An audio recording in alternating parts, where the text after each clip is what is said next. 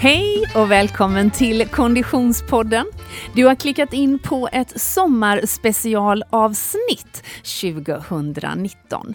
Tidigare i somras, den 31 maj närmare bestämt, så befann sig hela Konditionspoddens redaktion i Stockholm. Det var eh, knappt 24 timmar kvar till ASIC Stockholm Marathon 2019 och vi hade dukat upp en poddstudio inne i Danikahallen vid Östermalms IP i ASIC Stockholm Marathons Expo.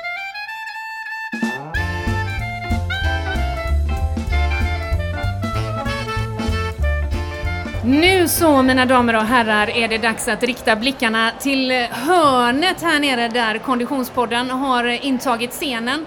För nu, Oskar Olsson, har vi fått finbesök. Vi säger hej och välkommen till Konditionspodden, Evi Palm. Tackar. Hur är läget, Evi? Det är jättebra kan vi säga. Det är sällan man får möjligheten att påa någon med titeln legend. Nej. Men jag tror att det funkar alldeles utmärkt den här gången. Det här är ändå din hemmaarena, Evi, va? Ja, det kan vi säga. För de eh, loppen som jag har, jag har tyckt bäst om, även om jag har varit i utlandet många gånger, så är det Stockholm och Tjejmilen. Det är mina lopp där. Vad är det som gör just då att de två loppen har kvalat in i hjärtat hos dig?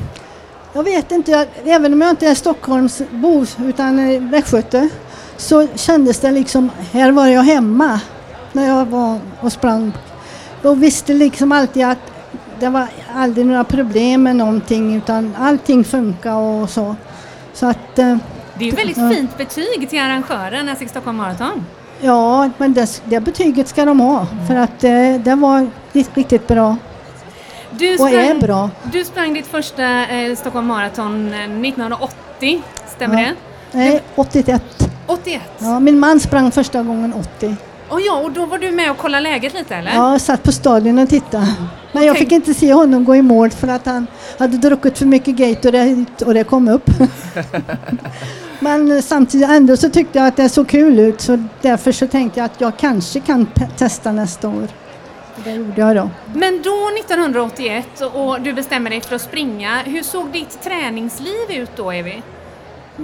Ja, jag tränade ju inte de långa sträckorna till att börja med. Utan eh, det var ju mera mil och fyra kilometer och sen gick jag upp till kanske 15 kilometer. Jag fick hjälp av en kille hemma i Lidköping som gav mig träningsprogram för jag visste inte alls hur jag skulle träna. Och Nej, så sen fick jag börja och testa med lite tremil då mm. för att känna efter i och med att jag tänkte springa imorgon då. Och, eh, men jag och sen sprang jag Göteborgsvarvet också. Det gick ju för andra gången den då. 1981 va? Ja. Och då sprang du på 1.17 om jag har ja. kollat rätt? Ja, eller ja, ungefär 1.17, 1.16 men då var banan lite felmätt. Var det ditt första halvmaraton? Ja, det var det. Frida sprang sitt första halvmaraton i Göteborg för två veckor sedan, fast inte på 1.17 Frida. Verkligen inte på 1.17 faktiskt. Jag känner att vi håller fokus helt på Evi Palm just nu. Du, 1900 86 så vann du Stockholm Marathon första gången, stämmer ja, det? Ja. Vad, vad, hade liksom, jag tänker den här utvecklingen är vi på, på bara fem år från att ska jag kanske testa till att gå i mål med guldmedalj runt halsen. Den är ju extrem. Vad, vad, vad, vad är det i dig som är den här eh, löpartalangen? Det vet jag inte vad det är i mig. Men det, jag kände ju när jag började och, och träna då när jag var 34 år eller springa så kände jag när jag väl hade kommit igång och börjat och känt efter och så här, då kände jag, vet jag, att detta är något för mig, detta är något som jag vill fortsätta med. Mm. Så kändes det i alla fall i min kropp och i huvudet också. Men du hade en imponerande eh, debut också, 81, eh, du sprang på 3 och 07, 3 och... Ja, 3, 3 och 10 eller 3 och 6 kanske, men ja. Eh, jag tittar aldrig på klockan utan första gången en springer en mara, då sen bara känna efter hur det känns. Det. Och njuta och kolla upp och sånt. Och jag tror inte att eh, jag liksom har sprungit så jag har varit slut någon gång på maran, inte till början med i alla fall. Utan en har haft krafter kvar till sista milen och det är väldigt viktigt. För det är då som en kan plocka väldigt, väldigt många löpare. Ja. Alltså nu haglar ju tipsen här känner jag. Ja, ja, ja. Det gäller att ta till sig. För vi, eh, vi har på Konditionspoddens Instagram flaggat för att du ska gästa oss här och det har ju kommit en hel del frågor till dig. Bland annat så är det en av lyssnarna som frågar just det. Har hon några tips till en helt vanlig motionär? Ja, det är de tipsen jag har. Och det är ju att man tar det lugnt och känner efter hur det känns och låter kroppen bestämma och inte huvudet. För det är väldigt lätt att huvudet vill bestämma men inte kroppen. Men det är det, är det viktigaste, att kroppen är med. Men har det hänt även dig Evi? För du, jag menar, du har ju tävlat, nu har vi pratat om ett fåtal av dina bragder hittills, men du, har det hänt även dig att kroppen och huvudet har sagt olika saker? Ja, jag kan, vi var ju på i Hiroshima och det var landslaget där vi var några tjejer och några killar. Det var en jubileum där. Vilket, var är vi i tiden då? Vilket år ungefär? Eh, 85. Mm. Och då, då var det ju, det var i april månad och vi hade haft jobbig vinter. Men, och sen så fick vi inte, vi fick inte komma eller vi, det var för långt, närma intill som vi fick åka ifrån Sverige. Så att vi hann aldrig komma ikapp i tiden. Just det. Och då vet jag sista varvet, eller ja, sista milen, så kände jag som att det var hål i mina skor. Och jag visste att jag hade fått nya Nike-skor och jag tänkte, men vad är det för fel på mina skor? Och trött var jag. Men när jag kom i mål sen, då visade det att det var inget fel på mina skor, utan jag var så trött antagligen så att det var någonting som... Jetlagen slog Ja, till där också. antagligen. Ja. Men att det är den enda gången som jag har tyckt att det varit riktigt jobbigt. Evi, då tänker jag ändå att man har ett väldigt stabilt löparpsyke om den enda gången i en sån fantastisk karriär var det där loppet i Hiroshima 85. Ja, det, det kan vi säga att det var. Det är det som jag, jag tyckte var väldigt jobbigt. Vet du, det, många, du, har sprungit, du har vunnit i Stockholm tre gånger Ja. och eh, du har gjort bra här alla gånger och eh, du har ofta sprungit Göteborgsvarvet eh, två veckor innan varje år. Har du tyckt att det var en bra uppladdning och är det någonting som du rekommenderar andra? Nej, jag har inte sprungit Göteborgsvarvet så mycket. Nej. Jag har vunnit, det några gånger men jag tyckte att Göteborgsvarvet låg lite för närma maran. Jag tycker det skulle kanske räcka ja, en tre veckor emellan tycker jag. Just det. Men eh, Men 86 när du vann i Stockholm Marathon då sprang du Göteborgsvarvet två veckor innan. ja, det gjorde jag. Ja, det gjorde jag. Mm. Hur ser eh, löparlivet för Evi Palm ut nu eh, 2019? Ja, du, nu är löparlivet ja, på, inte så himla bra utan det är stavgång nu för att eh, jag blev meniskopererad i oktober. Det hände i, i eh, maj förra året att när jag sprang ner för backen på milen att eh, det small till i knät. Och sen fick jag inte riktigt någon hjälp av läkarna över sommaren. Så att jag fick bli en privatläkare i Göteborg som hjälpte mig. Och då eh, visade det sig att det var en meniskskada och den var alldeles söndertrasad. Och sen hade jag blivit bindväv också där på det här då så att eh, han kunde inte, läkaren där kunde inte riktigt säga att du kommer att bli riktigt bra. Och det, utan vi, vi får göra det vi kan som han sa. Och det hänger i fortfarande även om det var november då. Men nu går jag stavgång och det fungerar väldigt bra för mig tycker jag. Att, Eh, eh, du har haft en väldigt lång och framgångsrik karriär och det känns som Ja. att du har haft ganska fri från skador. absolut. Eh, har du någon eh, eh, recept eller medicin på detta som vi kan tipsa våra lyssnare om eh, som har hållit dig så skadefri och sprungit så mycket? Ja, den springer ju ganska mycket distansträning när en tränar för en mara. Och då är det väldigt viktigt att en tar det lugnt när en tränar distansträning. Många, speciellt killar, de, de rusar på hela tiden. Utan det är ju när en har intervaller eller snabbdistans, det är då en tar i och springer på. Men sen när en tränar distansen, då sen njuta och ha ett bra bara. Och, och känna efter hur det känns och så här då. Så det, det är någonting som jag tycker kan garan- eller, ja, säga till alla att så ska de vara om man säger så. Du Evi, vi har ju fått som jag sa flera frågor till dig på Konditionspoddens Instagram. Bland annat så har Viktor skrivit in Hur hittar man motivation när man inte längre kan slå sina gamla rekord? Man känner att man liksom har passerat den tiden. Ja. Hur motiverar man sig då?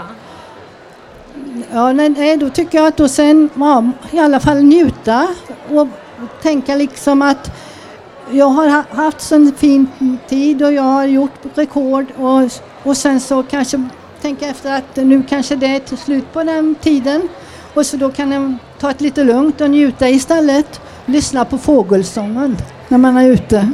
Det är jättebra istället för att springa med det som är här i öronen. Just det. Nej, och fåglarna de är helt fantastiska nu.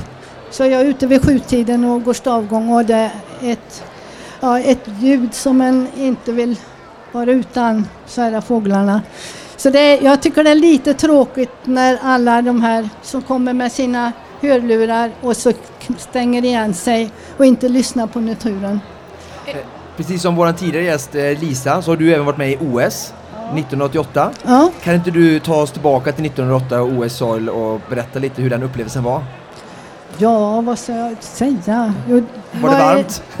Ja, det blev varmt under, när vi började. Men att eh, jag, jag visste ju att jag var bra tränad och eh, jag har ju aldrig liksom fokuserat på att jag ska springa, hur jag ska, utan låta kroppen bestämma. Men då när jag stod på startlinjen då jag förstod jag att jag skulle inte kunna vara med på något mer OS för att jag var så pass gammal då. Utan, eh, så jag tänkte att nu ska jag försöka att ta i lite och, spänna bågen lite här. Och det är ju inte så lätt när det är bara tjejer sen. Så att jag blir ensam i var en liten huvudklunga längre fram och en längre bak. Så att jag blev, låg ensam ända till över tre mil och då började det tryta lite. Så, att, eh, så jag gick i mål på 2.34 någonting och det är klart, det var jag inte nöjd med för att eh, eh, de, åren där, det var mina, då gjorde jag mina bästa tider. 88, 89, då var nog de bästa tiderna gjorde jag då. Men En 24 plats i OS är ändå väldigt bra och Ja, men jag hade nog förväntat mig att jag skulle klara lite bättre i alla fall.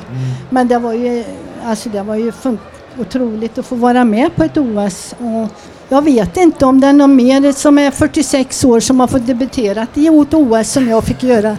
Jag tror inte det. Jag tror inte det. Men, men Evi, det här är ju verkligen, du är ju eh, en av våra absolut mest meriterade löpare och du är ju också då känd för, förutom dina fantastiska prestationer och eh, medaljplaceringar, att du då debuterade så pass sent och att du var så otroligt framgångsrikt sent upp i, i, i åldern. Jag vet att du har ju pratat om att det skulle också kunna ses som en fördel, inte minst ur skadehänseende. Ja, ja det, så har jag också tänkt. Senor och ligament. De har ju varit med, kanske lite starkare än vad det är för tonårstjejer och sånt. Så att jag tror att det kanske är därför som att jag klarar mig för skador som, som jag gjorde. Du, Evi, du berättade för oss att det var eh, en menisk som har strulat till och det är mest stavgång för dig nu framöver. Ja, ja. Eh, hur, vad, hur tillbringar du eh, Stockholm Marathon imorgon? Kommer du stå och heja längs med eh, löparlinjen? Vissa har det så bra så att vissa får åka med i ledarbilen imorgon. Wow! En hare så god som någon! Evi Palm, tack så hemskt mycket för att du gästade Konditionspodden. Tack så jättemycket. Tack så mycket. Tack jag. Vi ber dig stanna kvar en sekund bara, så ska vi få en till här också. Eh, Okej, ska vi ha den bandad också eller? Mm? Vi fortsätter rulla, okej. Innan vi släpper iväg dig från scenen Evi så vill vi bara eh, be dig om en liten utmaning. Vi har nämligen en tävling som pågår på Konditionspoddens Facebook och Instagram och det handlar om att gissa segertiden för ASSIQ Stockholm Marathon 2019. Jag förstår att vi sätter dig på kanten när du får den här så på stående fot men Ja. eh, Är det, en, är det här, här, herrarna eller? jag tycker nog att i jämlikhetens namn vi tar en av varje va? Ja du, vad kan de göra? Två, två, två tjugo kanske? Två På killa- tjugo. killarna. Ja. Tjejerna kanske kan göra 2.50. Jag, jag är in, inte riktigt med i det här nu med tider och så men eller också blir det ändå bättre än 2.50. Det du hoppas jag. På ett sätt måste jag säga att du inte riktigt med i tider och sånt här. Hedrar dig. Du lever som du lär. tack så mycket Evi. Ja, tack, tack.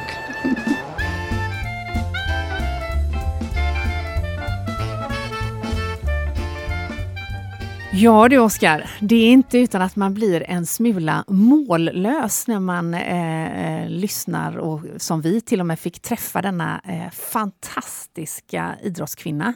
Mm.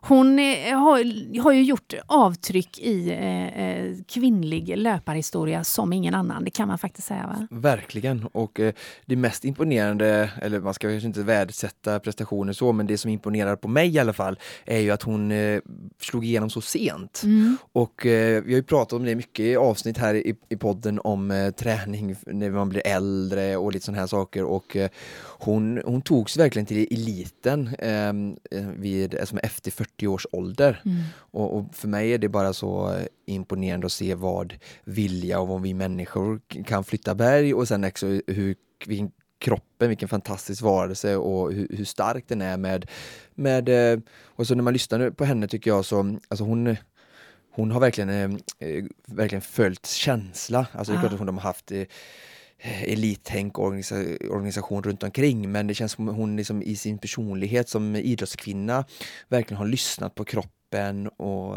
ja, tagit det med ro och haft rätt inställning och det var det som gjorde att hon kunde eh, hålla på så länge. Och ja. Hon vann ju faktiskt Essex Stockholm Marathon tre gånger och ja, varit med i OS. Och...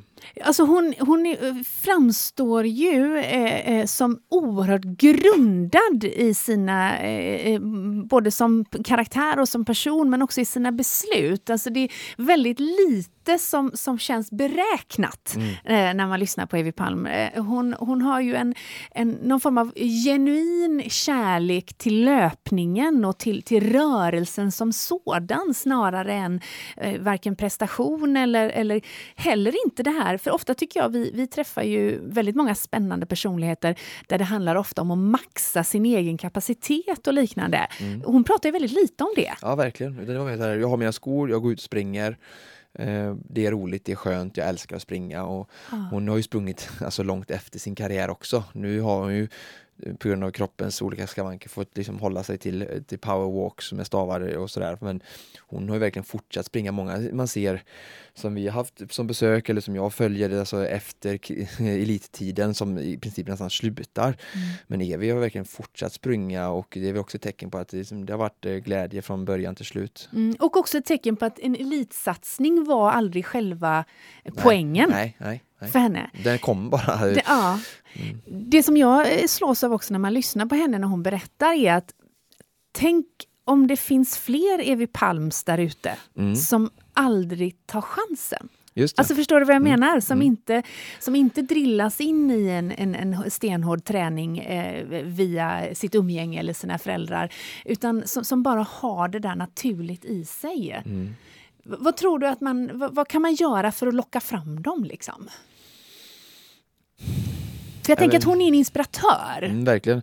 Alltså jag, jag, tycker att man kan se det, nu, nu fokuserar du lite på eh, alltså, sådana som har potentiella, skulle kunna bli elit också som henne. Men jag tycker mer att man kan, skulle kunna se det som hon som är inspiratör till, till alla eh, mm. eh, som är 40-45 att eh, ja, men liksom det är aldrig för sent och, och låt det drivas av, av glädje, spontanitet och träna och så, så se vad det blir. Ah. Eh, och låt, att, alltså, låt aktiviteten och idrotten bli eh, huvudfokus och sen så får resultaten eh, eh komma allt eftersom eh, och att vi inte liksom, bestämmer oss så himla mycket kanske innan. Ehm, och, och ibland, jag känner som att folk väljer idrotter och utmaningar kanske utan att känt efter. Hon hade ju verkligen en sann eh, glädje till just löpningen mm. och alla måste ju inte springa, det kan vara vilken idrott som helst. Mm. Ehm, ja, är grymt inspirerande. Väldigt, väldigt inspirerande och väldigt roligt att, att få, få möjlighet att träffa henne. En, en stor ära måste jag säga. Ja. Det var, det var ett sant selfie-ögonblick. Ja, precis. en, en, en fin, fin dag i Konditionspoddens historia. Det var allt vi hade att bjuda på för den här gången. Tack så hemskt mycket för att du lyssnar. Konditionspodden produceras precis som vanligt av Fredag. Connect Brands with People.